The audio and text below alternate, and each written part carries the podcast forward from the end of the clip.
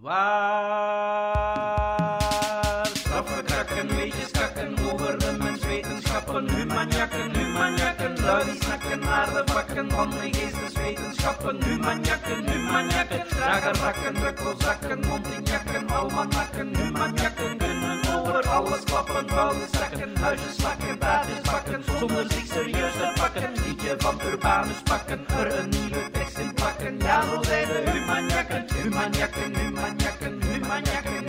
zijn hi-ha-ha, humanjakken, We schrijven dinsdag 1 november en vandaag zijn onze humanjakken professor taalkunde en bedrijfscommunicatie Bert Oben, Een heel goede dag. professor premoderne geschiedenis Maika de Keizer Hey, hey. en twee taal- en geschiedenisnerds, namelijk Bart Verhoeven Hallo. en ikzelf, Stijn van der Stokt. We gaan het vandaag hebben over wat humaanwetenschappelijk nieuws uit oktober. En de aandachtige luisteraar en onze twee fans zullen meteen gemerkt hebben dat Pieter Vermeulen er vandaag niet bij is. Ja, die had andere dingen, eh, betere dingen te doen waarschijnlijk. Belangrijkere dingen te doen, inderdaad. Ik zie dat jij al het sarcasme van Pieter eh, aan Ja. het overnemen bent Iemand om, moet dat, om het eh, dat gemis te dempen. Iemand moet Voilà. het doen. Hè? Eh, laat ons beginnen met het, het, het onderwerp waar Maika het allerenthousiast van is. Allee, ik heb haar nog nooit zo enthousiast gezien eigenlijk. Woman King, de film die op dit moment uit is eh, en in de cinemas loopt. Eh jij hebt die gezien, hè, Maika? Ik heb die graag gezien. Ik was dus enorm enthousiast. Het is een film die momenteel speelt en die gaat over toch wel heel krachtige vrouwen. Naniska, Nawi en eh, Izogi. Alle drie vrouwelijke krijgsters die de Agogie worden genoemd en die in het koninkrijk van Dahomey in de 19e eeuw zich afspeelt. Oké, dan heb ik wel nog iets meer situering nodig als ik dat Ja, allemaal waar hoor. zijn we in de Wa- waar wereld? zijn ja, we in waar Na- zijn we in de wereld? Ja, Dahomey, dat is dus vandaag Benin. Uh, En dus dat is vlak naast wat men de goudkust van Hmm. Afrika noemt. Uh, en het is dus een van de machtige koninkrijken van de 19e eeuw in Afrika. Uh, zo machtig dat die dus echt een heel sterke staat hebben. En dus zo'n Amazone-krijgsmacht naast het gewone staande leger. Wat trouwens een absolute anomalie is. In Afrika had je normaal gezien alleen een leger op het moment dat het oorlog was. En als het dan daarna terug vredestijd is, gaat iedereen gewoon terug zijn normale leven leiden. Dit is zo'n land dat dus zo'n professioneel leger heeft van mannen en vrouwen. En dat is natuurlijk heel filmisch. Daar kan je iets fantastisch mee doen. En dus daar zijn ze dan ook opgesprongen en terecht. Want dat is wel een enorm coole film. Was het feit dat er zowel uh, mannen als vrouwen dan waren, was dat ook een anomalie? Of waren er wel meer vrouwenlegers in Afrika ook? Uh... Nee, nee, dus dat is ook echt wel een anomalie. Dat is echt heel speciaal. En ja, de film gaat over... Ja, uh, moet er... Kan er nog slavernij zijn in het koninkrijk van Dahomey? Of moeten we daarmee stoppen? Hè? In de trailers bijvoorbeeld zal je het al meteen horen. There is an evil coming. En dat is dan natuurlijk de westerling die uh, Afrika wil gaan koloniseren en dus slavernij wil doordrukken. Dat is dus waar dat de film over gaat. En ja, dat is ook meteen eigenlijk de verklaring waarom er waarschijnlijk een vrouwenleger was. Omdat er zoveel mannen, jonge mannen, worden verkocht als slaaf, dat er Juist. dus vrouwen in dat vacuüm moeten springen. En Ja, daarom ja. dus ook een vrouwelijke strijdmacht Het is. is bij gebrek aan voldoende mannen dat Ik vrouwen... wou dan bijna zeggen, bij gebrek aan beters, Ja, ik, maar... ik dacht Nee, nee, maar- nee. nee, nee. Dat is natuurlijk omdat die mannen weg zijn, dat vrouwen eindelijk hun ware potentieel kunnen tonen. Dat is het. Hè? Maar juist, juist, juist. Hebben ze, vervullen zij specifieke functies of, of doen zij andere dingen dan mannen in het leger? Of nemen zij gewoon de taak op die de weggevallen mannen hadden? Ehm, ja, je hebt dus eh, een aantal functies. Je hebt de elephant hunters, je hebt een aantal eh, boogschutters en zo verder. Maar dat zijn functies die je op zich in een mannenleger ook wel zou kunnen zien. Maar zij waren echt berucht. Dus je, zowel in Afrikaanse bronnen als in Europese bronnen zijn zij echt berucht als een dodelijk efficiënte strijdmacht. En, en zij worden dan ook de, de zwarte Amazones genoemd. Omdat het dus wel enorm veel angst inboezemde, zowel bij de omliggende staten, hè, de Oyo bijvoorbeeld, maar ook de, de slavenhandelaars en de Europese machten die echt wel zoiets hadden. Wat is dit? Zo'n een, een fierce leger van vrouwen. Dat, dat was echt ongezien. En vochten ze dan tegen de slavernij specifiek, of waren ze in dienst van de staat? Of, eh? Ja, dus dat is... En dat, daarom was ik zo enthousiast. Hè. Dit is een film die eindelijk dat topic ook wel eens durft brengen. Want heel veel filmen, his- his- historische films over zwarte geschiedenis, die gaan over het slachtofferperspectief van hoe verschrikkelijk slavernij was. Wat uiteraard heel belangrijk is dat daar films over zijn. Deze film neemt echter een ander vraagstuk in.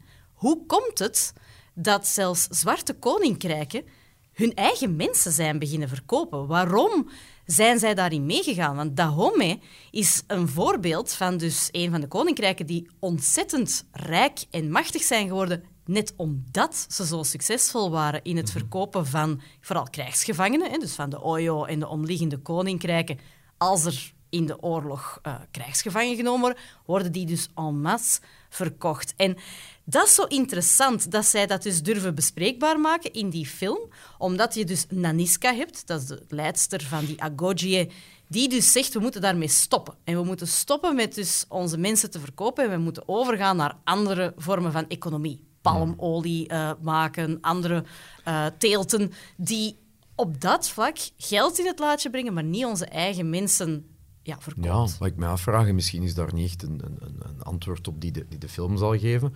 Ik kan me inbeelden dat voor de, de, de, de bevolkingen die dan die legers ook zien, dat dan de positie van de vrouw daardoor wel een beetje verandert. Als je ziet, die vechten actief mee, dat is een beetje mijn... Ja, een, een, verschuiving misschien qua rollen. mogelijk, mogelijk. Maar ook een rollenpatroonverschil. En dan, ja, dat is ook iets dat ik heb moeten opzoeken, maar dan zie ik dat begin 1900 Dahomey wordt geabsorbeerd door de Fransen. Wat ik me dan afvraag is of dat het juist de Westerlingen zijn, waar dat wij van denken, ah, met de verlichte principes die dan misschien de klok juist hebben teruggedraaid. En dan misschien hebben een halt toegeroepen van nee, nee, nee, vrouwen mogen niet vechten, dat mag nooit meer gebeuren. Ja. Vrouwen dit doen, mannen dat doen. Ja, dus dat is inderdaad, dat hoor je. De Britten en de Fransen kunnen dat echt niet aan. Hè. Die kunnen Nee, ja. echt niet aan en die willen dus inderdaad hun, hun beschavingsoffensief gaat zich Ah, dus richten op die vrouwen. ja. Maar we moeten daar nu ook niet te idealistisch in zijn. Nee. Want je ziet, en dat doet die film ook weer heel goed. Er zijn drie soorten vrouwen die eigenlijk in dat leger terechtkomen. Je hebt een aantal krijgsgevangenen, hè, dus ook vrouwen die geroofd worden van naburige stammen en daar dan in kunnen. Je hebt vooral de ehm, moedwillige meisjes, dus die zich niet willen laten uithuwelijken. Nu waardoor ben je ik zo... Ja, daar is de natte droom. Ja. Ja, die dus absoluut niet willen plooien naar zo'n patriarchale staat. Maar daar, Ja. daar zie je dan ook al meteen dat die wel degelijk bestaat. En dus alleen de vrouwen die echt weigeren te, weigeren te plooien, dat dan aan de, die krijgsmacht gegeven worden, vaak Ja. door de familie. En dan ja, wezen of eigenlijk ja, de vrouwen waar je weinig mee aan kunt vangen in de patriarchale maatschappij, maar dan inderdaad wel op een eliteplek terechtkomen. Dat worden de vrouwen van de koning, die hebben een eigen plek in het paleis, die hebben status, die hebben ook een uniform, wat speciaal is, maar wat dan dus ook boven andere mensen zet en echt als een elitemacht eh, in, dat, in dat rijk plaatst. Dus ja, we mogen daar niet te idealistisch in zijn, we mogen daar ook niet naïef in zijn. Maar het is wel inderdaad waar. Het, het, het, het geeft aan dat het kan in dat rijk om zo'n elitemacht te creëren. Alright. Ehm, nog even. eh, het, is, het is een Hollywood-productie, eh, ook normaal gezien. Je, je gaf er juist al aan van, hè, er, er, het wordt misschien een beetje te idealistisch voorgesteld. Jij als historica, wat vind jij eigenlijk van de film? Eh, geeft die echt een historisch accuraat portret van, van die strijd en van, van dat tijdperk? Of eh, denk je van, ja, om dramatische redenen is er toch eh, iets te veel loopjes, zijn er iets te veel loopjes met de waarheid genomen? Om dramatische redenen zijn er een aantal loopjes genomen met de waarheid, maar niet te veel. Ik denk dat elke historische film dat doet. Hè. Kijk naar eender welke historische Ja, ja, ja. film en, ze doen dat. Hè. En dus deze film doet dat ook. Maar op zo'n manier dat het toch nog altijd heel interessant blijft en zelfs voor historici interessant. Bijvoorbeeld die kauri, hè, die schelpjes. Heel interessant, en dat zijn van die kleine details waar ik echt extreem blij van word. Dat is, dat is die Naniska heeft, zolang als ze gewoon legerleidster is, gouden speltjes in haar haar, om, in haar vlechten. En vanaf dat zij de Woman King wordt, heeft zij schelpen in haar haar. Je zou denken, dat is minder waard. In onze ogen is dat minder waard. Maar als je weet wat voor een symbolische waarde dat die schelpen hebben en die die eigenlijk boven goud staan in dat gebied, dan is dat zo'n klein detail waar ik van denk, maar kijk, mooi. En dus daar, daar gaat mijn hart sneller van slaan. En dat vind ik dat de film voldoende heeft. Waardoor dat ik zeg van... Ja, tuurlijk zijn daar een aantal elementen waar je kritiek op kan hebben. Tuurlijk is het een Hollywoodfilm en, en moeten daar een aantal zaken ingestoken worden. Het is ook geen documentaire, het is een film. Uh, maar voor mij is het meer dan goed genoeg om te zeggen zelfs vanuit historische waarde kan je daar dingen van bijleren. Details over die training van die Agoge, details over hoe dat die markt er moet uitgezien hebben, dat paleis er moet uitgezien hebben. Dat is echt interessant om te gaan bekijken. En dan moet je er maar een aantal ja, korreltjes zout bijnemen. En Ja. Hollywoodiaanse moves bijnemen. Inderdaad. Ja. Het krijgt het betrouwbaarheidszegel van Maika de Keizer. Voilà. Approved. Inderdaad. right, Woman King nu in de bioscoop. eh, allen daarheen, zou ik zeggen. Minstens zo historisch accuraat als Zillion, waarschijnlijk. Ja, Minstens. waarschijnlijk zelfs nog meer. Sterkere vrouwen, denk ik ook. Ja. In de zillion. Ja. Nu dat we het toch over sterke vrouwen hebben die zich plooien naar de normen van het patriarchaat. eh, Bert, jij hebt eh, zeer interessant nieuws mee. Eh, meisjes maken blijkbaar meer dt-fouten in chatgesprekken met jongens. Ja, Nu is de vraag die, die ik mij dan direct stel, waarom in godsnaam? wel, ze doen dat misschien om een beetje ehm, cool, even cool als de jongens te zijn, die meer dt-fouten maken dan eh, de meisjes dat doen. En wat is er cool aan dt-fouten maken? Eh, niet de regels volgen. Niet de regels volgen Ah, ja. is cool. Ge- geen Ah, dus- zeut zijn. Die meisjes gaan er allemaal van uit dat die jongens dat expres doen. Eh, ja, dat die, er, dat die er wat meer lak aan hebben, dat die wat nonchalanter zijn. Dus het, het, is, het, het is wel een stijlkenmerk of zo. Of alleszins iets dat voor, eh, voor een klein stukje mee je identiteit bepaalt. Hè. Taalge- Ja. Taalgebruik is daar altijd een heel handig vehikel voor om jezelf een bepaalde identiteit toe te meten of uit te stralen. Ehm, en die DT-fouten zijn, daar, eh, zijn daar een voorbeeld van. En is het aangetoond dat het echt expres is? Of is het eerder van, ze zien al die dt-fouten en ja, je neemt dat zo'n beetje automatisch over? Ehm, ja, het is, het is een eh, vorm van accommodatie, dat alleszins. Want, ehm, Wacht, hè, ik ga misschien- accommo- accommodatie. Ik ga mijn lekenhand opsteken. Ja. eh. Eh, accommodatie wil zeggen aanpassingsgedrag. Hè, Dus de, de, de, Ja. meisjes, de meisjes passen zich aan aan de jongens, maar niet omgekeerd. Ja, inderdaad, want er is een verschil met assimilatie. Hè. Dat wil echt zeggen bijna een dienende rol. Van ik, ik, Eh, ja. ik schik mij naar u. Ehm, ja, ik ga eerst een, een stapje achteruit zetten en een beetje breder kader geven over waar dit hele verhaal vandaan komt. Eh, ook van een, een straffe dame, een straffe vrouw. Eh Hanne Surkien, die haar doctoraat heeft geschreven aan de Universiteit van Antwerpen over dit topic, waar ze al veel langer, onder andere met Dominique Sandra ook, veel langer bezig zijn over de DT-fout. En de innovatie van deze studie is dat het over dt-fouten gaat in eerder spontaan taalgebruik. Dus niet mensen naar een lab laten komen, hen dingen laten schrijven en dan kijken welke fouten ze maken. Nee, ze hebben een groot corpus kunnen opbouwen van eh, jongeren, van tieners, die eigenlijk gratis hun, eh, hun chatmateriaal kwamen doneren. Ze hebben een bedrijf genaamd Meta opgericht, 15 jaar Eigenlijk- geleden. Speciaal voor dit onderzoek. Speciaal voor Er dit zijn wat onderzoek. zijprojectjes uitgekomen. Maar... Ja, eh, dan hadden ze wel een iets grotere dataset gehad dan ze nu hadden. Ja. Ehm, maar hier vi- viel er zeker ook al wel eh, heel wat uit te rapen. Een spontaan taalmateriaal eh, van die tieners. En ze zijn gaan kijken ja, hoe vaak ehm, worden eh, werkwoorden die eindigen op eh, T of op D. ehm, hoe vaak worden die juist en hoe vaak worden die fout gespeld? En eigenlijk zijn de, ze- is de basisobservatie al behoorlijk ontnuchterend. Zeer vaak fout. Zeer, zeer vaak fout. Overall ehm 28% fout. Dus van alle Dat werkwoorden... valt nog mee. Ik ik had gedacht dat het eh, meer zou zijn. Of, ik ja? alle werkwoorden. Ja, maar- nee, nee, van in- alle werkwoorden die op eh D ja, ja, of die, die daar in die categorie vallen. Dus dat is- dat is veel. Grofweg een derde, maar in Ja. heel spontane gesprekken, denk ik dan, waarin dat het eigenlijk niet zoveel uitmaakt of, Ja. dat, je nu een, of dat je die regel volgt of niet. Juist, juist. En kijken ze dan of dat je jezelf verbetert? Want ik heb dat ook in chatberichten ook dikwijls, dat ik dan Ah, nee. gewoon een, een regel daaronder dan zo denk, damn, Ja. Eh, rap voor iemand het gezien Ja. heeft, sterretje Ja, ja, ja, D. ja. Ja, Ja. Het zou nog interessanter zijn als ze het, het, het schrijfproces meekregen. Ja. Of mensen Ja. iets dat ze ingetikt hebben nog wegwissen om het te verbeteren. nog eens. Dat hebben ze niet. Dat hebben ze niet. Ehm, maar er is dus een groot verschil tussen jongens en meisjes. Eh, meisjes die zijn 25% van de tijd fout en jongens 35% van de tijd. Dus 35, Maar dat is echt er wel is dan geen wel verschil tussen jongens onderling en jongens tegenover meisjes, Nee. want die gaan zich niet aanpassen. Nee, jongens doen altijd hetzelfde, dus die passen zich niet aan. De meisjes passen zich wel aan. En het is eh, ja, geen volledige aanpassing. Ze, ze, gaan, ze gaan iets meer fouten maken, maar ze landen niet bij die 35 procent. Ja. Dus ze, ze gaan er wat meer ehm, in die richting We naartoe. willen toch nog even tonen dat we dat beter kunnen. Ja. We zijn wel cool, Ja. maar kijk, Ja. er zijn grenzen. Maar we zijn toch beter in, Ja. eh, in de regels te volgen. Want daar, daar, daar komt het wel op neer, volgens de onderzoekers, dat ehm, eh, vrouwen, en deze meisjes dan ook, ehm, zijn vaker normgevoeliger. Gaan vaker de correcte vorm gebruiken. En hebben het ook sneller door wanneer dat er een norm aan het veranderen is.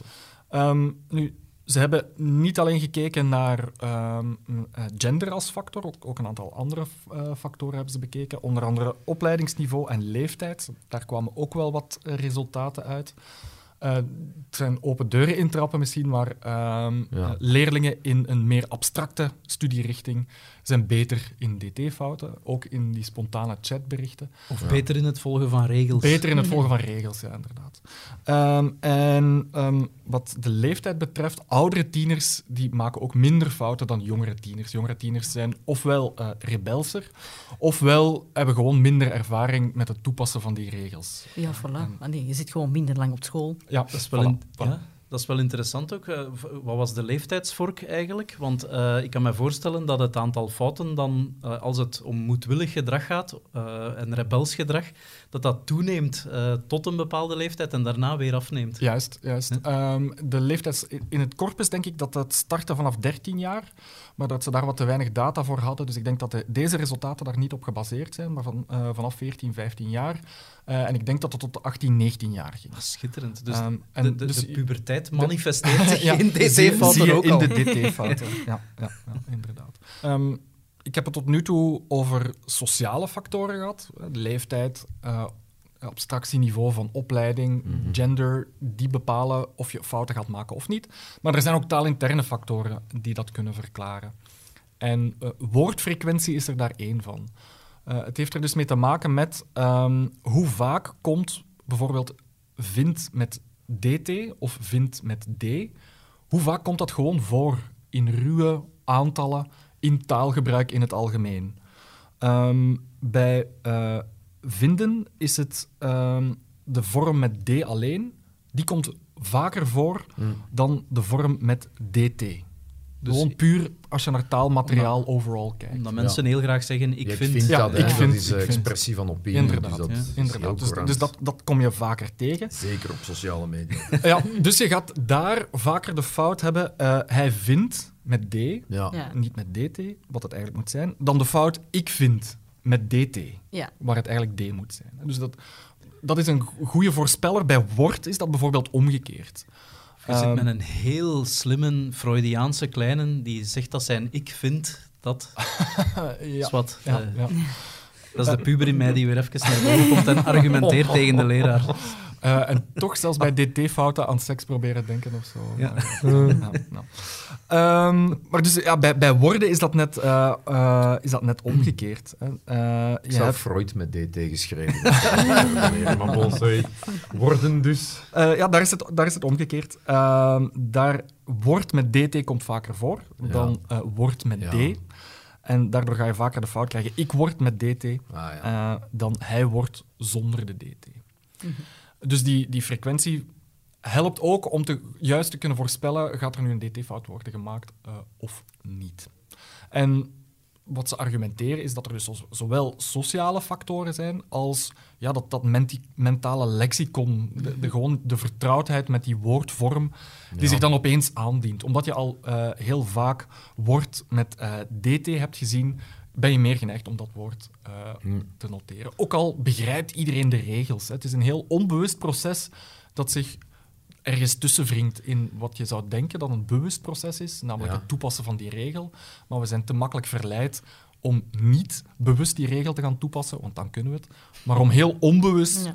Eh, ja, snel te denken van oké, ja, het, het zal, het zal dit wel. Ik zie hier trouwens bij dat onderzoek en ook een screenshot van een WhatsApp-bericht waar dat de, eh, niet als je dat opvoert en dan opvoert, is een parabel werkwoord met een d van achter, een vorm die dus niet bestaat.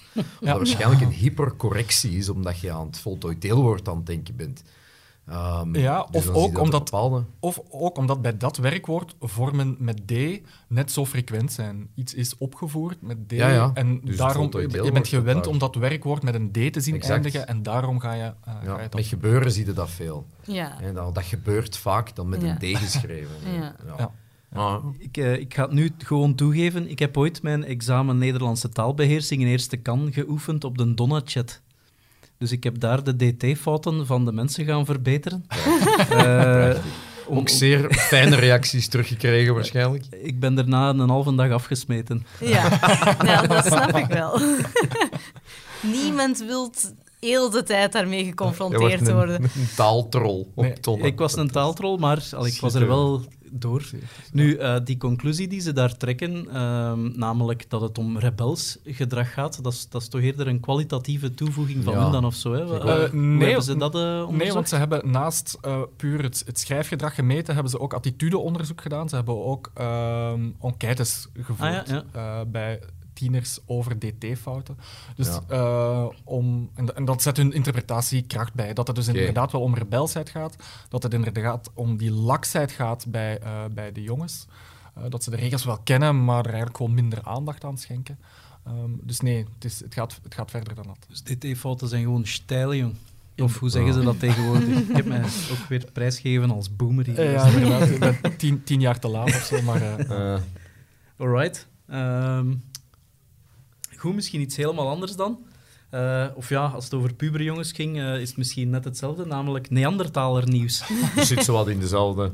Eh, Bart, jij hebt nieuws mee over de, Ja. de kruisingen tussen Ja, Neandertalers, Neandertalers en Homo zijn sexy tegenwoordig. Hè. Zijn, ja, eerder in de maand al, dat is nu niet het thema waar ik op wilde focussen, maar eerder in de maand oktober is ook de Nobelprijs voor de geneeskunde gegaan naar een Zweedse onderzoeker met een zeer moeilijk uit te spreken naam. Die, ehm, ja, dat is een Zweedse bioloog, Svante Pabo, met eh, een zeer, zeer interessante spelling van de familienaam. Pabo. Oké. Ja. ja, maar er staan twee keer twee puntjes op de A. En eh, Bert, je hebt meer ervaring met, met Zweeds dan ik.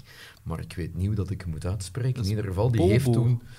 Ja, dat zou kunnen. Ik denk zelfs dat dat van Finse origine gaat zijn, maar we zijn volledig aan het afwijken. Omdat je dus ehm, ja, eh, het genoom van eh, uitgestorven mensensoorten en, en dan dus ook de implicaties voor evolutieleer aan het bestuderen is. Maar dat brengt mij naar dus seks. Uiteraard. Ik had- dat is onvermijdelijk. Er zijn veel efficiëntere manieren om van Pabo naar seks te geraken. Ik pak al eens graag de, de pittoreske route. Dat is het, eh, het voorspel van het thema geweest. Eh Neandertalers mogelijk uitgestorven door seks met ons. Dat is eh, ook een headline waar ik op gesprongen ben. Met ons? Met ons. eh, Homo sapiens. met Oké, oké, ja, ja, ja. Niet met ons iedereen als groep, vanochtend al gedaan heeft voor het opnemen van de podcast. Maar in ieder geval, wij zijn dus eh mede verantwoordelijk, inderdaad. Dat is nieuw research. Ehm, natuurlijk is dat allemaal nog hè, een beetje valt nog te bevestigen, maar professor Chris Stringer of Stringer en dokter Lucille Crété hebben daar een, eh, door staalnames eh, bij ja, overblijfselen toch iets interessants gevonden. Er is inderdaad, en dat weten wij al langer, genetische kruisbestuiving, want vooral Europeanen hebben eh, toch een bepaald DNA-spoor van Neandertalers. 2% geloof ik van ons DNA maar zo, wij van Neandertalers juist, maar wij hebben interessant genoeg geen mitochondriaal DNA van de Neandertalers. Wat wil zeggen dat op een of andere manier het dus toch qua het, het, het, het afleveren van nageslacht alleen maar Neandertaler mannen konden geweest zijn en dus homo Ja. sapiens vrouwen, maar Want mitochondriaal, ja, mitochondriaal DNA wordt doorgegeven van Alleen moeder moeder. dochter. En dat, is ook, dat blijft gigantisch stabiel voor een hele, hele lange eh, tijd. En wat is er dus gebeurd? Ik vind dat altijd heel, heel ehm, aandoenlijk als mensen zich eh, zorgen maken om, eh, ja, omvolking. Ik herinner mij ook eerder, we zijn toch over Neandertalers bezig, dat Philippe de Winter eh, hier eh, in Leuven eh, toch een, een akkefietje had ondervonden, omdat hij kwam spreken over zijn boek Omvolking. Maar dit is daar eigenlijk een voorbeeld van. Um, men gaat er soms vanuit, er is geweld geweest, dus homo sapiens en, en Neandertalers, hun wapentechnologie was misschien niet up te snaf, maar nee, er was gewoon concurrentie qua partners, waardoor dat er mogelijk onder de, de Neandertalers minder gepaard werd, maar dan meer aan kruisbestuiving gedaan werd. En mogelijk werd er ook gepaard tussen Neandertaler vrouwen en homo sapiens mannen, maar daar blijken dan geen kinderen van gekomen. Dus als er... Uh, dus als er alleen of bijna uitsluitend via de mannen ja. genen terechtgekomen zijn in onze Homo sapiens genenpool. Dat zou moeten, ja. Dan wil dat zeggen dat het vooral Neandertaler mannen waren die met Homo sapiens vrouwen seks hadden. Dat weten we niet, maar wel vruchtbare seks. Ah, zo ja. ja. ja. Dus het kan zijn, qua paargedrag weten we niks, maar wel wat dat daar eigenlijk qua DNA is uitgekomen is, want we hebben geen mitochondriaal Neandertaler DNA. Dus ofwel is dat een, een eenzijdige vruchtbaarheid, of er moet wel degelijk iets ja, specifiek aan de hand geweest zijn, waardoor het voornamelijk de mannen waren die uh, seks hadden met kan de het, Kan het gewoon zijn dat de, de, de, mannen veel minder kieskeurig waren? Uh, de Neandertaler mannen of zo? Een, een cliché opnieuw van, bevestigd. Nee, of dat, dat die dat, kinderen uh, niet werden geaccepteerd. En dat, of dat, dat dus, die, dat die op ja. dat vlak misschien wel geboren werden, maar de gewone volwassen leeftijd niet bereikten, omdat mogelijk. die werden verstoten. Allemaal mogelijk, ja? ja? Dus dit, dit onderzoek uh, heeft heel veel implicaties om nog te onderzoeken. Of dat uh, is, de Neandertaler mannetjes de... Nee, de, de Homo sapiens mannen de Neandertaler vrouwen wansmakelijk vonden of zo. Dat is ook mogelijk. En iets wat, dat, wat dat mij als ja, humaniak heel hard interesseert, zijn ook de mogelijke ja, communicatiestrubbelingen mm. tussen die species. Ja, ja, uh, bijvoorbeeld, iets dat ook in het onderzoek uh, aangeraakt wordt, dat is uh, bij Neandertalers een feature die we kennen, dat is de, de, de wenkbrauwboog. Als je kijkt naar een schedel ja. bij Neandertalers... Dat is ongeveer 5% van mijn DNA, denk ik. dat is, ja, het zijn stevige oogkassen. En wij kunnen als homo sapiens zeer expressief, subtiel, maar zeer veel zeggen met de manier waarop wij onze wenkbrauwen bewegen. Dat is non-verbale communicatie. Iets dat een Neandertaler op een heel andere manier moet gekund hebben. Dus inderdaad, als het gaat over uh, suggestieve, verleidelijke signalen maken of zo. Exact zijn we hier live aan het illustreren lukt nog vrij goed gezien zijn genetische achtergrond. Zie, die waren daar gewoon beter in. Vandaar die mannelijke lijn die dat zich doorzet. Ja. Maar er moeten dus ook heel interessante communicatieproblemen zijn geweest tussen die soorten. Maar toch enig, enig seksueel succes van de mannen naar de homo sapiens vrouwen toe. Oké. Ja, ik denk dat het sowieso moeilijk is om uh, op basis van genetisch onderzoek uh, zomaar uh, ja, historische of narratieve conclusies te trekken. Zeker. het zijn natuurlijk wel interessante datapoints die toegevoegd worden aan de geschiedenis. Op zich is het ook wel interessant. Hè? Dit gaat dan om omvolken. Dit gaat dan over net geen constante qua DNA. Ook in de maand oktober is er nieuws geweest over de Cheddarman. De Cheddarman is een, is een, zijn botten die gevonden zijn in de Cheddar Cave, in het mhm. dorpje Cheddar. Hè. Um, en die kennen we al lang. Hè. Dat is geen nieuw onderzoek dat we, die, dat we die man kennen, maar het nieuwe onderzoek is dat er nu een aantal onderzoekers zijn gaan kijken. Zijn er eigenlijk nog verwanten van die Cheddarman in de omgeving. Dus ze zijn naar, naar een aantal hmm. mensen in de omgeving gaan zeggen: die, jullie wonen hier nu al generaties lang. Mogen we uw DNA eens gebruiken om te kijken of jullie toevallig verwant zijn met een aantal mensen die we hier gevonden hebben in die cave? En, en wat voor alle duidelijkheid, Cheddarman die is 15.000 jaar oud ongeveer? Of, uh... Nee, 9.000. 9.000 jaar, geleden is die gestorven. Hè, dus die leefde in 7150 voor Christus ongeveer. En dus we wou toch eens testen of, dat, dat, of dat daar nu toch nog verwanten van waren. En raar maar waar, ja, een zekere Mr. Target in het dorp. Die heette zo? Ja, ja. oké. Dat is een, een zekere aptoniem. Ja, ja, ja, dat zou eigenlijk kunnen komen. Uh, die blijkt dus langs moederszijde, is die dus rechtstreeks verwant met de Cheddarman. En dus die zijn 9000 jaar apart, wonen die dus nog op de eigenlijk dus op een boogschoot van elkaar af. De minst avontuurlijke man van, van Engeland. Uh, ja. Het is ook, ik zie hier een, een, een, de, de man in kwestie doseert geschiedenis. Ja, inderdaad. Prachtig, Prachtig, ook nog. hè? Mooi, mooi. Prachtig. Het zit in zijn DNA. Het zit in zijn DNA. Zit erin. Maar ik vind dat dus heel interessant, omdat het, onderzoek naar, naar mobiliteit van mensen doorheen de geschiedenis, die, die focust tegenwoordig heel sterk op net eh, grote bewegingen. Dat je zegt inderdaad, de Neandertalers en de Homo sapiens die hebben elkaar vervangen of zijn verdwenen. Je hebt die grote migratiestromen in de vroege middeleeuwen, et cetera, et cetera. Dus tegenwoordig ligt heel sterk de nadruk op er was al enorme mobiliteit in het verleden. En dat staat als een paal boven water, dat kunnen we zien. Maar dit toont dus aan dat er mensen zijn die 9000 jaar lang in hetzelfde dorp blijven wonen. Hoe mooi is dat? Cheddar of all places. Ja, Cheddar. het moet daar echt, ja, die kaas, dat moet, eh, dat moet echt Daarvoor blijven aantrek- ze. Ja. Dat zijn 300 generaties. Hè. Nu, Een van de interessante dingen is ook Cheddarman, eh, de oerbrit, eh, de, de Adam van alle Britten, die had waarschijnlijk een, een zwarte huidskleur. Eh, Ja. Wat veel Britten, eh, zeker de Brexiteers, niet zo graag horen. Maar Cheddarman nu, een 9000 jaar later, eh, of 7000 jaar later, hoeveel was het? Ben het juist 9000 vergeten? jaar. 9000 jaar later. Ja. Die is eh, zo wit als... Ja, ik denk dat we hem echt als eh, een, een, een witte boomer kunnen beschrijven. als die Ja. target. Ja. Eh, dus er is in die loop van die 9000 jaar tijd toch wel heel wat genetische verwatering geweest, ook waarschijnlijk. Ja. Eh, Ja, het is, het is een aanpassing. Wat je ziet is dat wel Cheddarman al lichte ogen had. Dus Ah, ja. dat is al eerder het feit dat lichte ogen dominant worden in onze streken, dat is, dat is dus sneller doorgedrongen dan de huidskleur. Dus de huidskleur was op dat moment inderdaad echt ja, zwart, Dark- dark dark. hè. Dus, Maar- eh, Er valt hier toch niet uit te sluiten dat die eh, oude Cheddarman eh, gewoon een passant was. Dat hij op weg was, dat hij heel zijn leven in Parijs gewoond heeft en dat hij onderweg gestorven is in Cheddar en dat we nu toevallig... kan. Dat zou kunnen, maar dat zouden we op zich kunnen checken. Want dus tegenwoordig kunnen we checken met de compositie van de botten welke voedingsstoffen je voornamelijk eh, ja, gegeten hebt.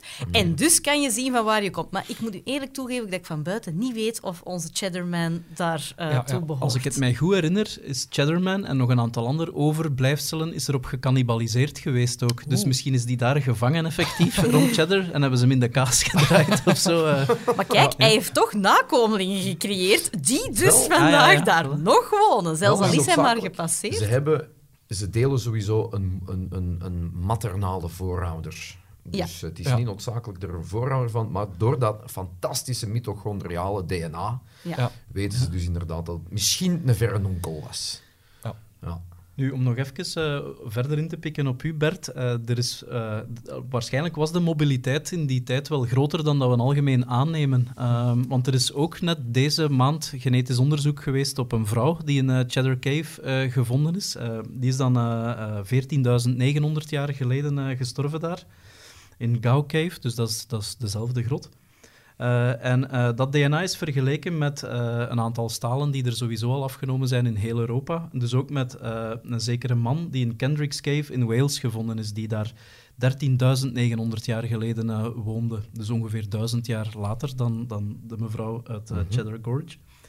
En het nieuws is nu dat die totaal niks met elkaar te maken hebben. Eh, wat dat ik eigenlijk heel grappig vond, omdat ja, die, die, dat is duizend jaar eh, ertussen en ook eh, een paar honderd kilometer ertussen. Ja, is dat zo onverwacht dan? Eh, dus dat is op zich niet zo onverwacht. Eh, maar wat wel interessant was, is dat de vrouw eh, genetisch materiaal deelt met eh, iemand uit België. Eh, de man uit Goyet, eh, dat is een van onze beroemdste vondsten hier uit, eh, uit België. Dus die was daarmee verwant. Dus eh, waarschijnlijk ja, eh, had die familie dan, eh, die, die in de lage landen woonden, en hebben die dan een oversteek gemaakt naar, eh, naar Engeland. En de man die zou dan genetisch verwant geweest zijn met een, het, ik heb het ook moeten opzoeken, want die ken ik dan weer niet, het Villa Bruna-individu. En dat is een man die ze in Noord-Italië gevonden hebben. Ja. Dus er was eigenlijk echt al een, een vrij grote mobiliteit in, in die late ijstijd. Want we spreken nog over ijstijd Ja. op dat moment, hè, eh, in, in, in heel Europa. Uh, ik vond het vooral grappig dat uh, de geschiedenis van Engeland echt begonnen is als een mop. Uh, namelijk een Belg en een Italiaan gingen eens naar een eiland. en ik denk dat de voorlopige conclusie van die mop de brexit is. Hè? Ja. Ja. ja. Er zijn betere pointes te verzinnen allicht, maar die zijn nog in de maak misschien. Alright, uh, iets helemaal anders dan misschien. Uh, Bert gaat nog iets mee over code switching. Uh, dat klinkt heel uh, onheilspellend en cool als een soort van detectievenroman of spionageroman, maar het heeft eigenlijk eerder met het overschakelen van één taal naar een andere taal te maken of zo. Ja, dat is eigenlijk helemaal wat het is. Um, het, het, gebruiken van talen door elkaar of het inbedden van een stukje taal in, in een andere taal. Uh, dat is code switching. Je, je kent hm. dat wel, dat je zelf af en toe zoals een, een, een Engelse uitdrukking of zo gebruikt. Uh, oh my god is nu misschien al, al gewoon deel van het Nederlandse lexicon of zo geworden. Nu had jij ook uh, meteen als boomer ontmaskerd. ja, inderdaad, wat Engels. We zijn al met twee. Wat jongerentaal uit de jaren negentig of zo. Uh, maar iets als, ja, all is well that ends well. Ik weet niet, dat is misschien zoiets dat je af en toe eens kan zeggen en uh, inbedden in het Nederlands. Dan ben je aan code switching aan het doen.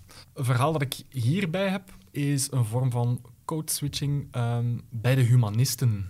Uh, onder andere bij Erasmus. Oh. En het is onderzoek dat heel dicht uit, uit de eigen buurt komt van, van een collega, um, namelijk van Raf van Rooij. Het is een, een, working paper die uh, pas gepubliceerd is. Zo'n working paper dat is een, een, publicatie die je doet voordat een tijdschrift uh, de studie aanvaard heeft. Kan je gewoon al je werk tonen aan de wereld. Een preview. Een preview, een preprint of working paper. Zoals in de, in, de, in de creatieve sector, zo al een voorbeeldje maken en uiteindelijk pakken ze dat gewoon uh, zonder u te betalen. ja, dat is, ja, de, ja, zonder te betalen, daar komt het inderdaad op. Dat is standaard. Ja. Um, en hij is gaan kijken naar hoe dat code switching, uh, een soort van highbrow code switching gebeurt, waarbij er uh, Grieks gebruikt wordt in Latijnse teksten bij humanisten. dus dat is echt wel nerdy. Ja, als je echt dat de nerd wilt overkomen. Ja, ja. um, en we hebben het hier dus over uh, Erasmus aan de ene kant.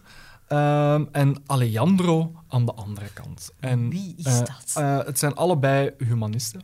Uh, Alejandro is een, uh, is een Italiaan. Uh, het is een geestelijke. Um, en ze zijn ook wel in contact met elkaar. Ze kennen elkaar. Pennenvriendjes. Er, er is, ja, ja. Juist, er is briefwisseling tussen hen.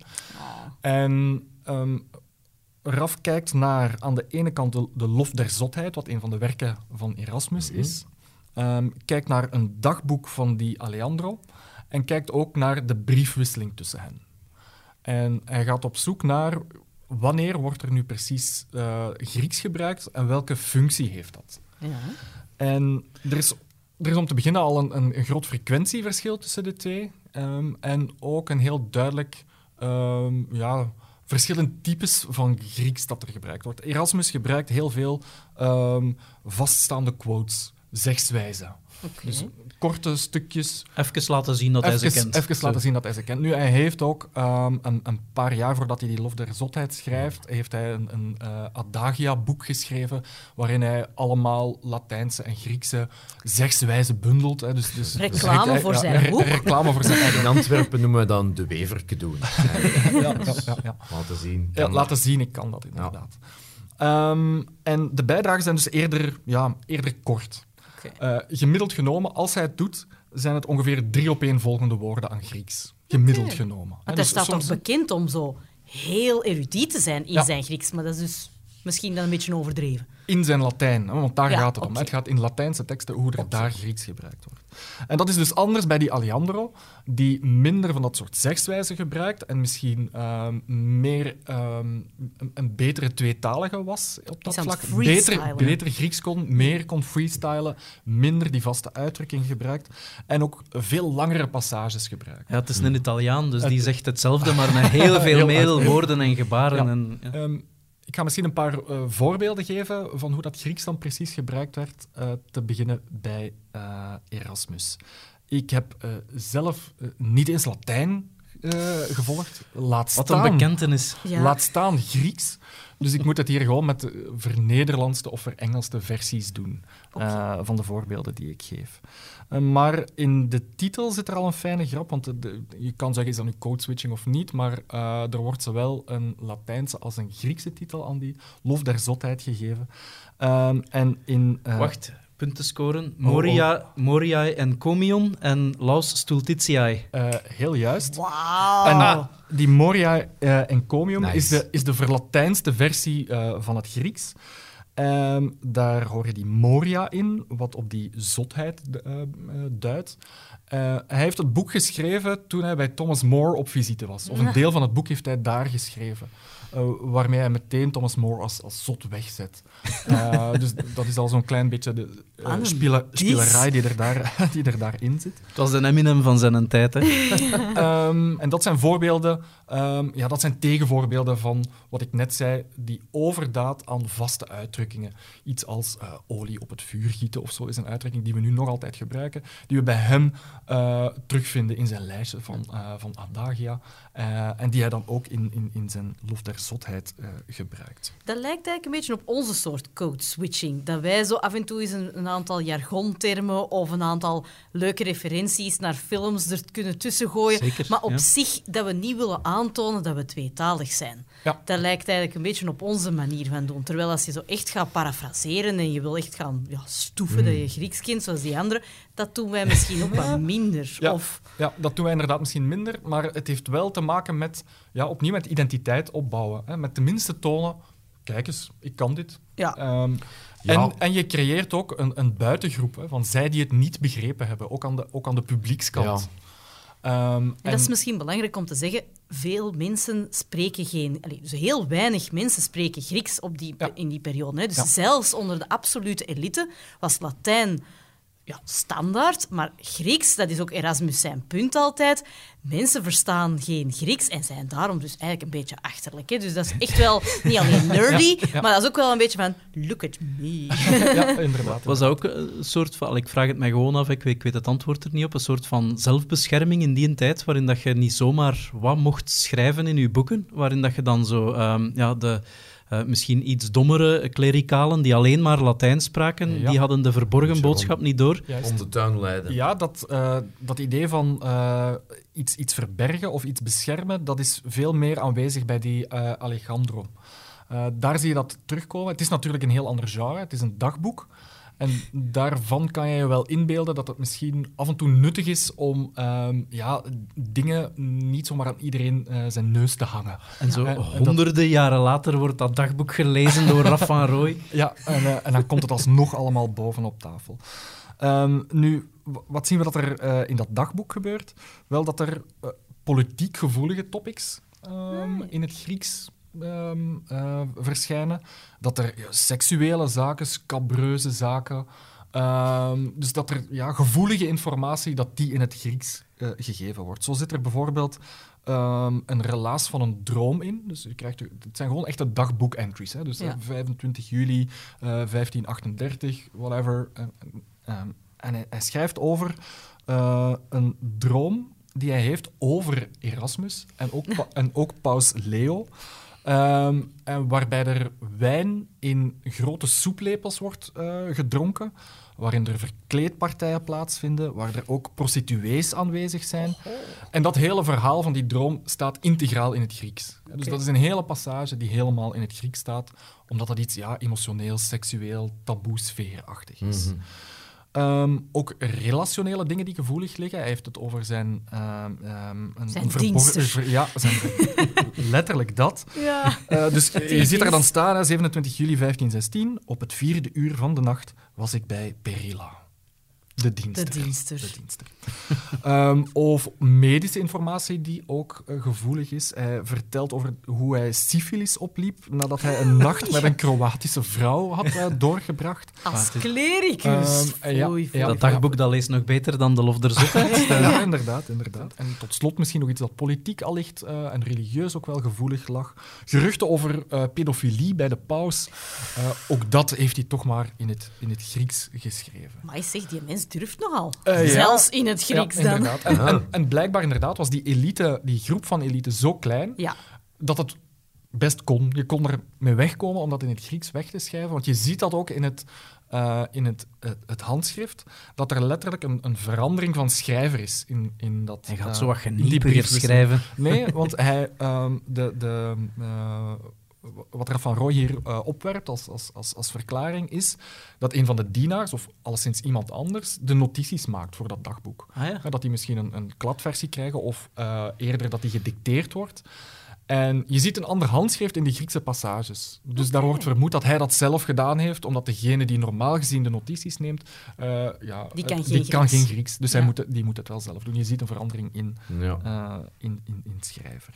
Nog een, eh, een allerlaatste punt is dat er ook codeswitching is eh, met het Hebreeuws.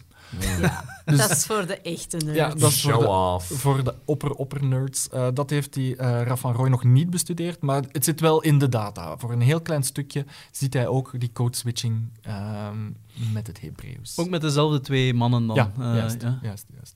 Dus het is echt wel een kliekje van... Ja, kijk eens, kijk eens wat wij kunnen en, en jullie kunnen het Circle niet. jerks.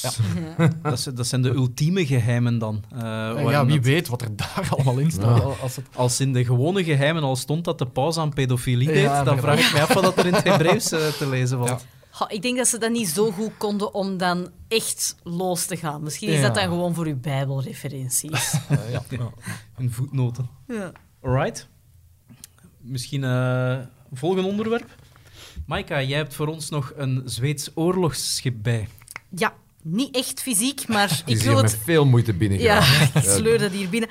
Eh, de Applet, eh, als ik het juist uitspreek in het Zweeds. Oh, De, de, de appel. de appel. De appel. De appel, ja. En de appel is het zusterschip van het Vasa-schip, dat we misschien De veel peer? De peer? beter... nee, de, de Vasa, als je het dan toch wil weten, is een eh, bundel stokken. Hè? Een beetje eigenlijk het, Ja, ja, ja, ja. het eh, fascistisch symbool. Ah, ja. maar dat was dus Ja. ook het symbool van de Vasa-dynastie van Zweedse koningen. Dus, eh, dus nee, het is eh, geen, eh, geen peer. Maar dus, dat zijn twee schepen die alle twee gezonken zijn. En de Vasa die kennen we al sinds 1961. Dus die is dan al gevonden en die staat nu te pronken in het Vasa-museum in, in Zweden. Ehm, maar nu hebben ze dus ook het zusterschip gevonden. Dat is eh, ook ehm, opgevist vlakbij Stockholm. Maar ehm, dat kennen we dus nu nog maar zeer recent. Ehm, En beide zijn dus schepen die in die periode, 1628 is de Vassa te water gelaten. En dat is een prachtverhaal. Ik weet niet of dat jullie dat al kennen, wat daarmee gebeurd Nee. is. Ik heb het museum bezocht, maar ik weet er al niks meer over. Dus, Oei, eh, oei, oei. verlicht mij opnieuw. Ja, dan moeten we er opnieuw over beginnen. Want dat is natuurlijk een, een absoluut prachtstaaltje. Dat is een van de duurste schepen waarschijnlijk ooit gemaakt. Ik dat voel een Titanic-verhaal opkomen. nog veel erger. Oh. Dat is wel geteld 1300 meter ver geraakt. Dat is na ongeveer een half uur is dat gezonken, dat schip. Dus dat was het prachtschip. Dat moest de kroon worden van de Zweedse marine. Daar hebben ze dus de beste techniekers voor gevraagd om dat te komen maken. Maar hè, de, de Gustav, de Gustav II Adolf, die wou per se dat dat een hoger en een groter schip werd. En dus ondanks het Oh, feit ja. dat die Ja. scheepsbouwers hadden gezegd... Hoogmoed. Nee, dat mag niet. Uw verhouding van uw schip is verkeerd. Dat mocht je niet doen. Wou die dat Ja, ja. toch per se? En die heeft dan eenzijdig gezegd, je gaat dat zo bouwen. God zal mij wel helpen. Geen Ja, probleem. Ah, of ik ken het beter. Ja. Twee zuchtjes wind. Het was zelfs geen storm, hè. Twee zuchtjes wind. En die is omgekanteld. Ik zie Want dat is dan zo oh. beginnen tilten. Hè. Dat is dan beginnen buigen Dat naar was de. Mercedes A-klasse van de, van de zeilboten dan of zo. Ja, en dus daardoor water gepakt, met dat dus over en weer eh, rollen. En dus gewoon nog... Eigenlijk in het zicht van de haven is die dus omgevallen. Nu, het mooie is... Heeft Gustav dat zelf aanschouwd? Eh, nee, nee, hij was er Oh, waarschijnlijk niet meer bij. Maar in ieder geval... allee, die mens is in geen maanden buiten durven komen. Allee, ik beeld mij dan in dat hij zo hard uitgelachen is geweest dat als, hij die om, niet als die om durfde. pistoletjes ging zondags... Dat, Dat is echt, u, nee, u- nee. dat is echt een, een Ja. Donald Trump move bijna. It's got a huge ship. Ja, best, great. best ship, best ship in the world. Unsinkable. Retweets komen binnen. Ja. Nee, dus dat moet echt een afgang van Amai. gewelste geweest zijn. Nu, omdat ze op dat moment waren ze dus al de appel dan aan het bouwen, maar ze hebben dan toch maar even de structuur aangepast. En dus dat heeft wel degelijk 30 jaar kunnen meedraaien. Dat is nog altijd niet zo heel lang, eh, maar die heeft Ah, dus wel... wat, wat- is de le- gemiddelde levensduur van een schip in die tijd? Zo? Maar als dat niet direct in fruit van geschoten wordt, toch wel langer. Dat kan soms echt wel eeuwen meegaan. Oké. Oh, Ehm, eeuwen zelfs. Ja, want, en dat is het mooie, en daarom zijn die twee schepen zo interessant. In die periode ga je in de oorlog schepen niet proberen kapot te maken. Als je dus in een, in een maritieme oorlog verzeild raakt, dan ga je dat proberen te enteren. Ja, je gaat Om ze dus zelf te gebruiken, vangen. ja. Ja, want dat, dat kost fortuinen. Je Tuurlijk. kunt je niet inbeelden hoe duur dat zo'n schip is. ja. dus wat doe je? Je schiet die mast kapot. Je gaat die een beetje schade toebrengen. Maar je gaat dus wel proberen om dat schip eigenlijk zo heel mogelijk te pakken te krijgen. Zelfs oorlogsvoering is wegwerpmaatschappij geworden. Eh, Nee, maar maar heel kort. Want dus die Gustav, die had zoiets van... Nee, nee, nee, we gaan dat aanpassen. En dus zowel die Vassa als die Appel, die hebben enorm veel kanonnen daarin staan. 64 geloof ik bij de, bij de Vassa. En dat was dus zijn idee fix... Dat hij dus schepen ging maken om dus inderdaad alle andere schepen... Dus Kapot te maken. Ja, in fruit van te schieten eigenlijk, elke keer. En dus dat is een totaal ander soort schip met dus veel meer kanonnen, met ook veel zwaardere kanonnen. Veel te veel om alleen zo aan de mast kapot te schieten. Dat was echt om andere mensen te verpulveren en andere schepen te verpulveren. En dat heeft dan ook niet stand gehouden. Alle schepen die dus nadat hij gestorven is, maar nog in commissie waren, hebben ze gewoon geannuleerd. Omdat ze zoiets hadden, ook wij in Zweden, wij hebben behoorlijk veel hout, maar wij kunnen dat niet aan. wij kunnen dat gewoon niet aan. Dus dat is eigenlijk een unicum, dat soort schepen.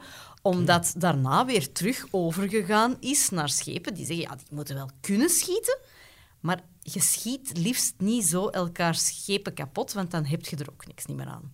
Het moet wel een beetje plezierig blijven, zo, nog, eh, voor iedereen. Het moet plezant blijven, het moet inderdaad nog wel eh, te enteren zijn. Nu, het leuke is ook, die appel die is niet kapotgeschoten door de vijand. Die hebben de Zweden zelf laten zinken. ja, Dat past ook niet meteen Nee. binnen de filosofie van schepen sparen. Maar, nee, maar hij was dus te kapot. En dus ze moesten er dan iets mee doen.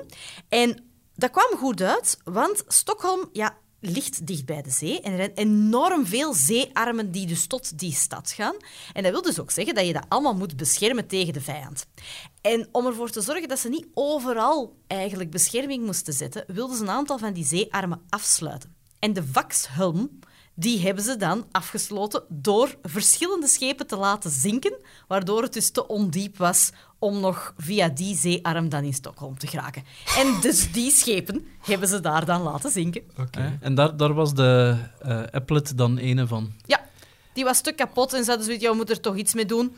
Laten we die dan daar maar Ah. gewoon laten zinken. Dus Is- ze is- wisten eigenlijk heel de tijd waar dat, dat schip lag. Ongeveer, ja. Ah, Maar ze hebben nu maar de moeite gedaan van het even eh, te gaan opduiken. Ja. Want dat ligt waarschijnlijk ook niet diep dan. Als het, eh, Nee, dat ligt helemaal niet diep. En ze hebben dus ondertussen ook al twee andere schepen. In 2019 hadden ze al andere schepen gevonden. En telkens denken ze dan, oh, dit is de appel. Nee, ah, nee, toch niet. Dit is dan de appel. Nee, ook niet. Eh, nu is het echt de appel. dus eh, eindelijk hebben ze hem gevonden. Is hout niet notoir slecht om andere schepen eh, tegen te houden? Ik weet niet, eh, hout dumpen in zee lijkt me op, na tien jaar gewoon helemaal verdwenen te zijn. Nee, nee, nee. Want dat is ook de reden waarom dat we de Vassa zo in prachtige staat hebben. Dat is omdat die zeearmen een bepaalde vorm van brakwater zijn. En dat is dé perfecte conditie om net hout perfect te bewaren. Daarom dat we dus nu ook dat Vassa-schip in zijn volle glorie... dat, dat lijkt alsof dat, dat tien jaar geleden is gezonken, terwijl dat een 17e-eeuwse schip is. Dat herinner ik mij wel nog. Ja. Voilà. En dus dat is door die zeearmen, omdat dat niet te zout, niet te zoet, perfect is om te bewaren. Eh, wa- Wat is het historisch belang nu van die vondst? Is dat gewoon blij en tof voor de Zweden dat ze dat gevonden hebben? Of gaan ze daar nog verder dingen mee doen? Ze gaan daar sowieso nog wel verder dingen mee doen, denk ik. Hè. Eén, ja, het zijn unieke schepen. Dus dat is gewoon al cool. Maar wat je wel ziet, is dat we tegenwoordig veel verder gaan. In het Vassa-museum bijvoorbeeld staat niet alleen dat schip, maar zijn ze echt verder aan het gaan om te kijken hoe is het leven aan boord? Wie zat daarop? Je hebt dan de skeletten, je hebt de kledij dat ze kunnen terugvinden, je hebt een aantal potten en pannen die je kan terugvinden. En op die manier kunnen we echt aan geschiedenis gaan doen van de kleine man, die dat dus op die schepen leven. En ik hoop dat ze dus soortgelijke dingen ook gaan vinden bij dit schip. Want natuurlijk, ja, er is geen leven geweest op het schip van, het va- van de Vassa, want het is direct gezonken. Eh, terwijl die ander daar heeft 30 jaar lang, hebben daar mensen op geleefd. Dus mogelijkerwijs zijn daar meer vondsten die iets kunnen zeggen. Relevanter zijn. Ja. Bij de andere stonden ze nog met het cocktailglas in de hand allemaal of zo toen ze zonken. Ja. di- di- dit schip was waarschijnlijk ook wel leeggehaald voordat ze het hebben laten zinken. eh.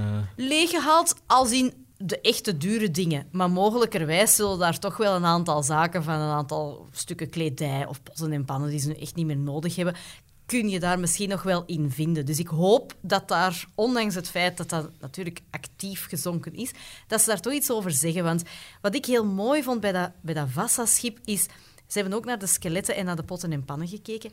En dit is de gouden eeuw van Zweden. Hè. De 17e eeuw, dat is Zweden, dat is een topmacht op dat moment. En het is een korte periode dat Zweden echt de Baltische Zeeën domineert. Maar die mensen op dat schip zijn soms echt arm. Ze hebben gezien aan de botten en ook aan, aan ja, wat dat ze aten, dat dat vaak zwaar ondervoede mensen waren. De gemiddelde lengte van, een, van een, iemand aan boord van de Vassa was 1,66 meter, wat echt klein is.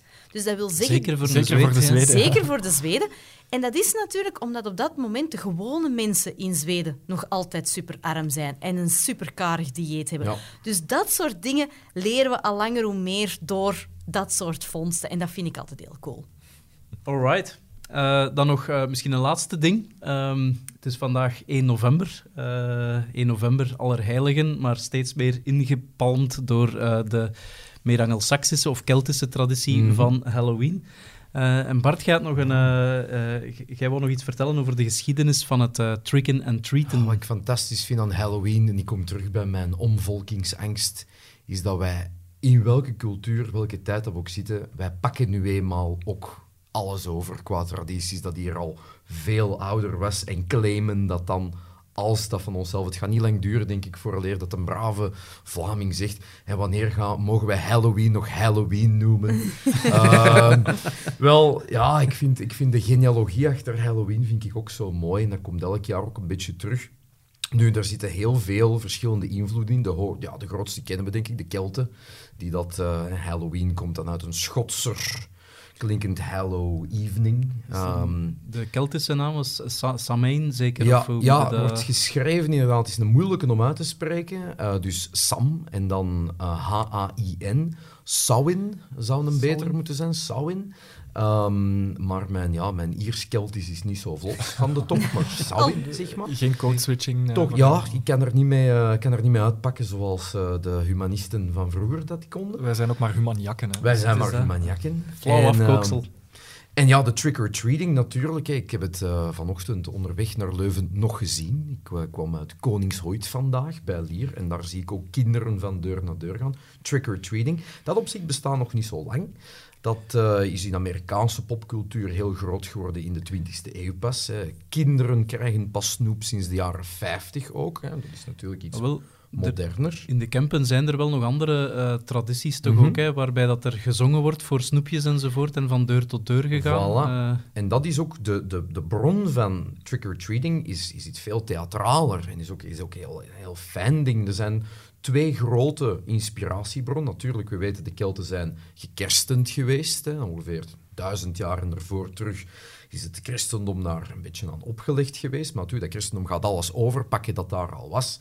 En je had twee tradities. De christelijke traditie was souling, van zielen. Hè, dus souling. En dan waren dan vooral ehm, niet alleen kinderen, maar ook volwassenen die dan bij de rijkere burgers langs gingen om daar tegen een beetje betaling als in eten of misschien wat klein geld te bidden voor eh, de gestorven familieleden van die rijke mensen. Want ja, hoe meer mensen dat je hebt die voor uw, uw, uw dode bomma gaan bidden, hoe beter voor de Ja. bomma. Het allerzielen wat we... Voilà, en dat was, dat was ook, ja, dat kon heel theatraal gaan, maar dan nog veel leuker. En dat is toch wel gelinkt schitterend dat, dat, dat de rijken Ja. daar dan personeel voor hadden. Ja, ja, dat, je besteedt dat uit. Hè. Zielenheil, ja, dat gaat je Dat niet zelf doen. Hè. vraagt veel tijd, hè. heel de tijd voor de bomma bieden. Maar ja, de, de, de kerk deed dat ook, hè, bidden voor u, eh, en dat kon jij uitbesteden. En dan veel theatraler nog, dat is mamming. Nu, M-U-M-M-I-N-G, mamming, klinkt als iets dat met een Britse moeder te maken heeft, maar nee, het is gelinkt aan ons Nederlandse woord, vermommen. Ah, ja. En dus wat men deed, eh, in de middeleeuwen was dat big business ook, is dat men dus, en dat waren vooral mannen, hè, want je weet, eh, vrouwen mochten vaak niet acteren, denk aan de tijd van Shakespeare, en dan waren dat vooral eh, mannen.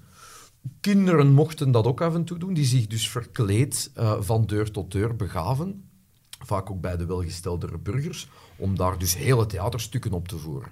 En dat deed men niet alleen met Allerheiligen, maar op verschillende feestdagen. Maar die van Allerheiligen is wel meer en meer gelinkt geweest met wat wij nu trick-or-treaten noemen. Ehm, en dat de bijgelovigen deden dat dus ook om de geesten weg te jagen. En dan ging u vers- vermommen als een geest om de bezoekende doden die langskwamen rond die tijd, om die at bay te houden, om die weg te houden. Maar je hebt daar fantastische tradities, dat er hele toneelstukken, riddergevechten voor uw deur. Stel, je bent een weledele nobel en ergens in het Engeland van de 12e eeuw.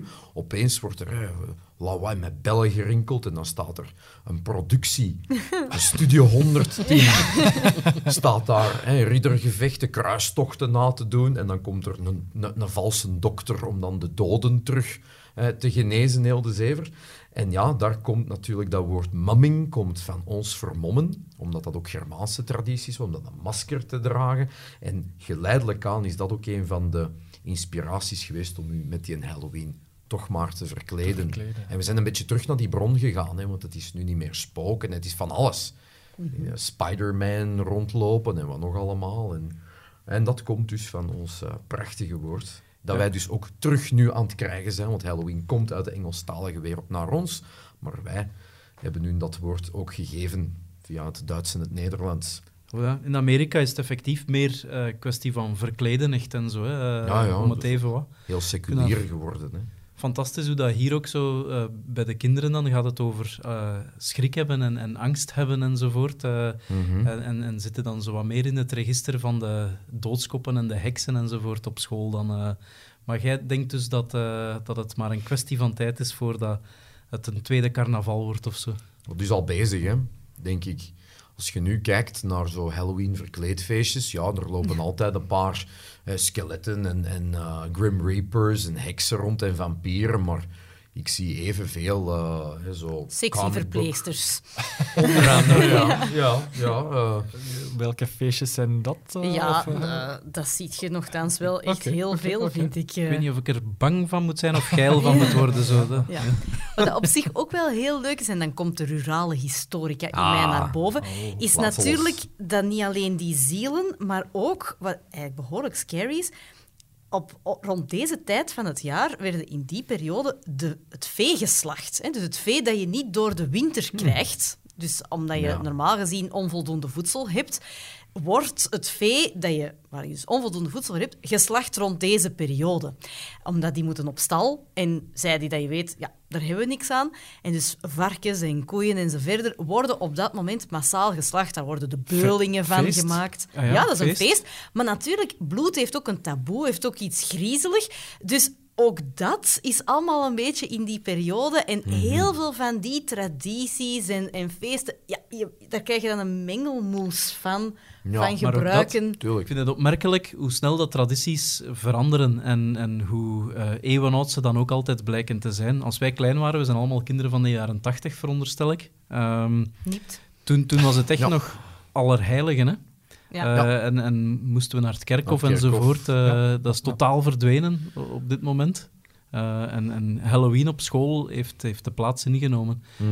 Dat Ja, zijn maar dingen op die... zich zijn alle tradities bijna invented traditions. hè. Wij, wij, wij Hmm. willen graag doen alsof tradities oud zijn. En daarom maken we dat. Maar inderdaad, dat, dat kan Ja. direct switchen.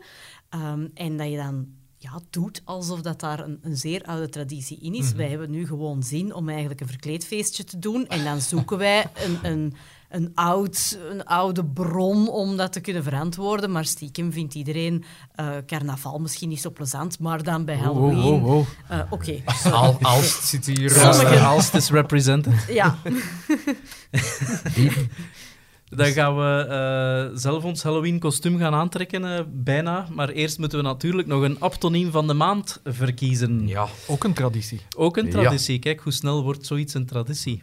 Ehm, eigenlijk eh, was de traditie bijna eh, ja, onderbroken geweest deze maand, want ik heb echt eh, enorm weinig aptoniemen tegengekomen. Maar er zit ook heel weinig tijd tussen de opnames. Dus, eh, Ja, dus- voilà. Ehm, wel ene gelezen, ene die ik ooit al gelezen had, maar nu herlezen heb in de Standaard ter Letter het afgelopen weekend. Eh, ik was er heel blij mee. Eh, het is namelijk een bestseller, auteur van thrillers. Eh, de, voor- de voornaam is Karen en de familienaam Horror. Heeft wel iets met... eh, Slaughter. s- Ja, Bla- Slaughter. Mm. Karen Slaughter. Ja. is eh Ja. auteur Goed, van... En, Ja, Thrillers. het is omdat ik het wist, anders had ik het niet. eh, en dubbel, ja, dubbel aptoniem, omdat het eh, Halloween is ook. eh, ja. Ja. Inderdaad. Ja, dat goeie is al een kans goeie om mee te beginnen. Kijk, voilà. Eh Karen Slaughter. Dan ben ik in een Nederlands eh, artikel nog een onderzoeker naar de vogelgriep tegengekomen. Ehm, dat is namelijk een hoogleraar, hoogleraar met de voornaam Thijs en zijn familienaam is... Nederlander, hè? Vogels, Oh nee, dat gaat zoiets goed zijn. Zoals De Vogel- vogelaren. Vogelzank. Eh, Niespluim. Ziekeveer. Nee, dat, dat had nog mooier geweest. Ja. Eh, vergeet de griep. Kiekens. Het gaat, het gaat Echt eerder over de vogel. echt over de vogel eerder. Ja. Kiekens of kuikens. Snavel. Ehm, zoek het Mus? de richting van de kinderen van vogels. Kuiken. Kuiken. Ja, voilà. Ah, Thijs Kuiken. Thijs Thijs Kuiken Kuiken. doet onderzoek naar de vogelgriep. Hij is een viroloog, maar zijn specialisatie is vogelgriep. Toch ook een Vond ik een mooi. Ja. Hele mooi. Eh, en dan eh, op weg eh, van eh, Aalst station naar huis eh, met de fiets kwam ik voorbij een kinesitherapeut. eh, twee straten van bij ons, Mm. dus soms moet je het echt niet ver zoeken. Nee. Eh, het is een osteopaat en kinesitherapeut. En eh, zijn eh, gouden naamplaatje eh, aan zijn uh, omgeving luidt. Hans van. Oh. En het is een lichaamsdeel dat, waarvoor dat heel veel mensen vaak bij de osteopaat Voet? gaan. Nek. Nek. Ja. Hans van Nek. Hans van Nek is een osteopaat. Ik heb die eh, uit naam zelfs nog nooit Hans gehoord. Hals had ook mooi geweest. Oh, dat had Ja, ook ja. mooi Oh, geweest. Goed, Ja. van nek. Enfin, dus eh, drie kanshebbers. Karen Slaughter, Thijs Kuiken en Hans van Nek. Wie kiezen we? Oh, Ik geef toe dat de selectie niet zo spectaculair is als de, de Nee, vorige maanden. Maar eh, ja. Ja. Ja. Ik vind die slaughter omdat het toepasselijk is. Ja, nu. inderdaad. Ja, dat past in deze maand. Halloween points. Oké. Ik ga niet moeilijk doen, ik sluit mij erbij aan dan. Dus Karen Slaughter, in het onwaarschijnlijke geval dat je naar deze podcast luistert, jij wint de Wisselbeker Aptoniem van de maand. Eh proficiat. Proficiat. Kom me maar halen. Bon, dan zijn er nog enkele dienstmededelingen. Eh, eerst en vooral, we hebben een live show Eh, op 27 november, meer bepaald om 11.30 uur. Dan nemen wij een live podcast op in naam van de Dag van de Wetenschap in de Universiteitshal in Leuven. Allen van harte welkom. Mhm. Voorts kun je nog altijd eh aptoniemen insturen à volonté. Eh, je hebt gezien, anders moet je het met die van deze maand stellen. dus we rekenen op jullie. Eh, gewoon een mailtje sturen naar info.humanjakke.be. Eh, voor de rest eh, blijven liken en sharen. We zijn een beginnende podcast, dus we kunnen alle hulp gebruiken. Hm. Voilà, bedankt voor het luisteren. Wij waren de Humanjakken. Bedankt Bert Oben. Graag gedaan. Bedankt Maika de Keizer. Salut. En bedankt Bart Verhoeven. Je bent zelf bedankt. En u bedankt thuis voor het luisteren. En tot de volgende. Yo!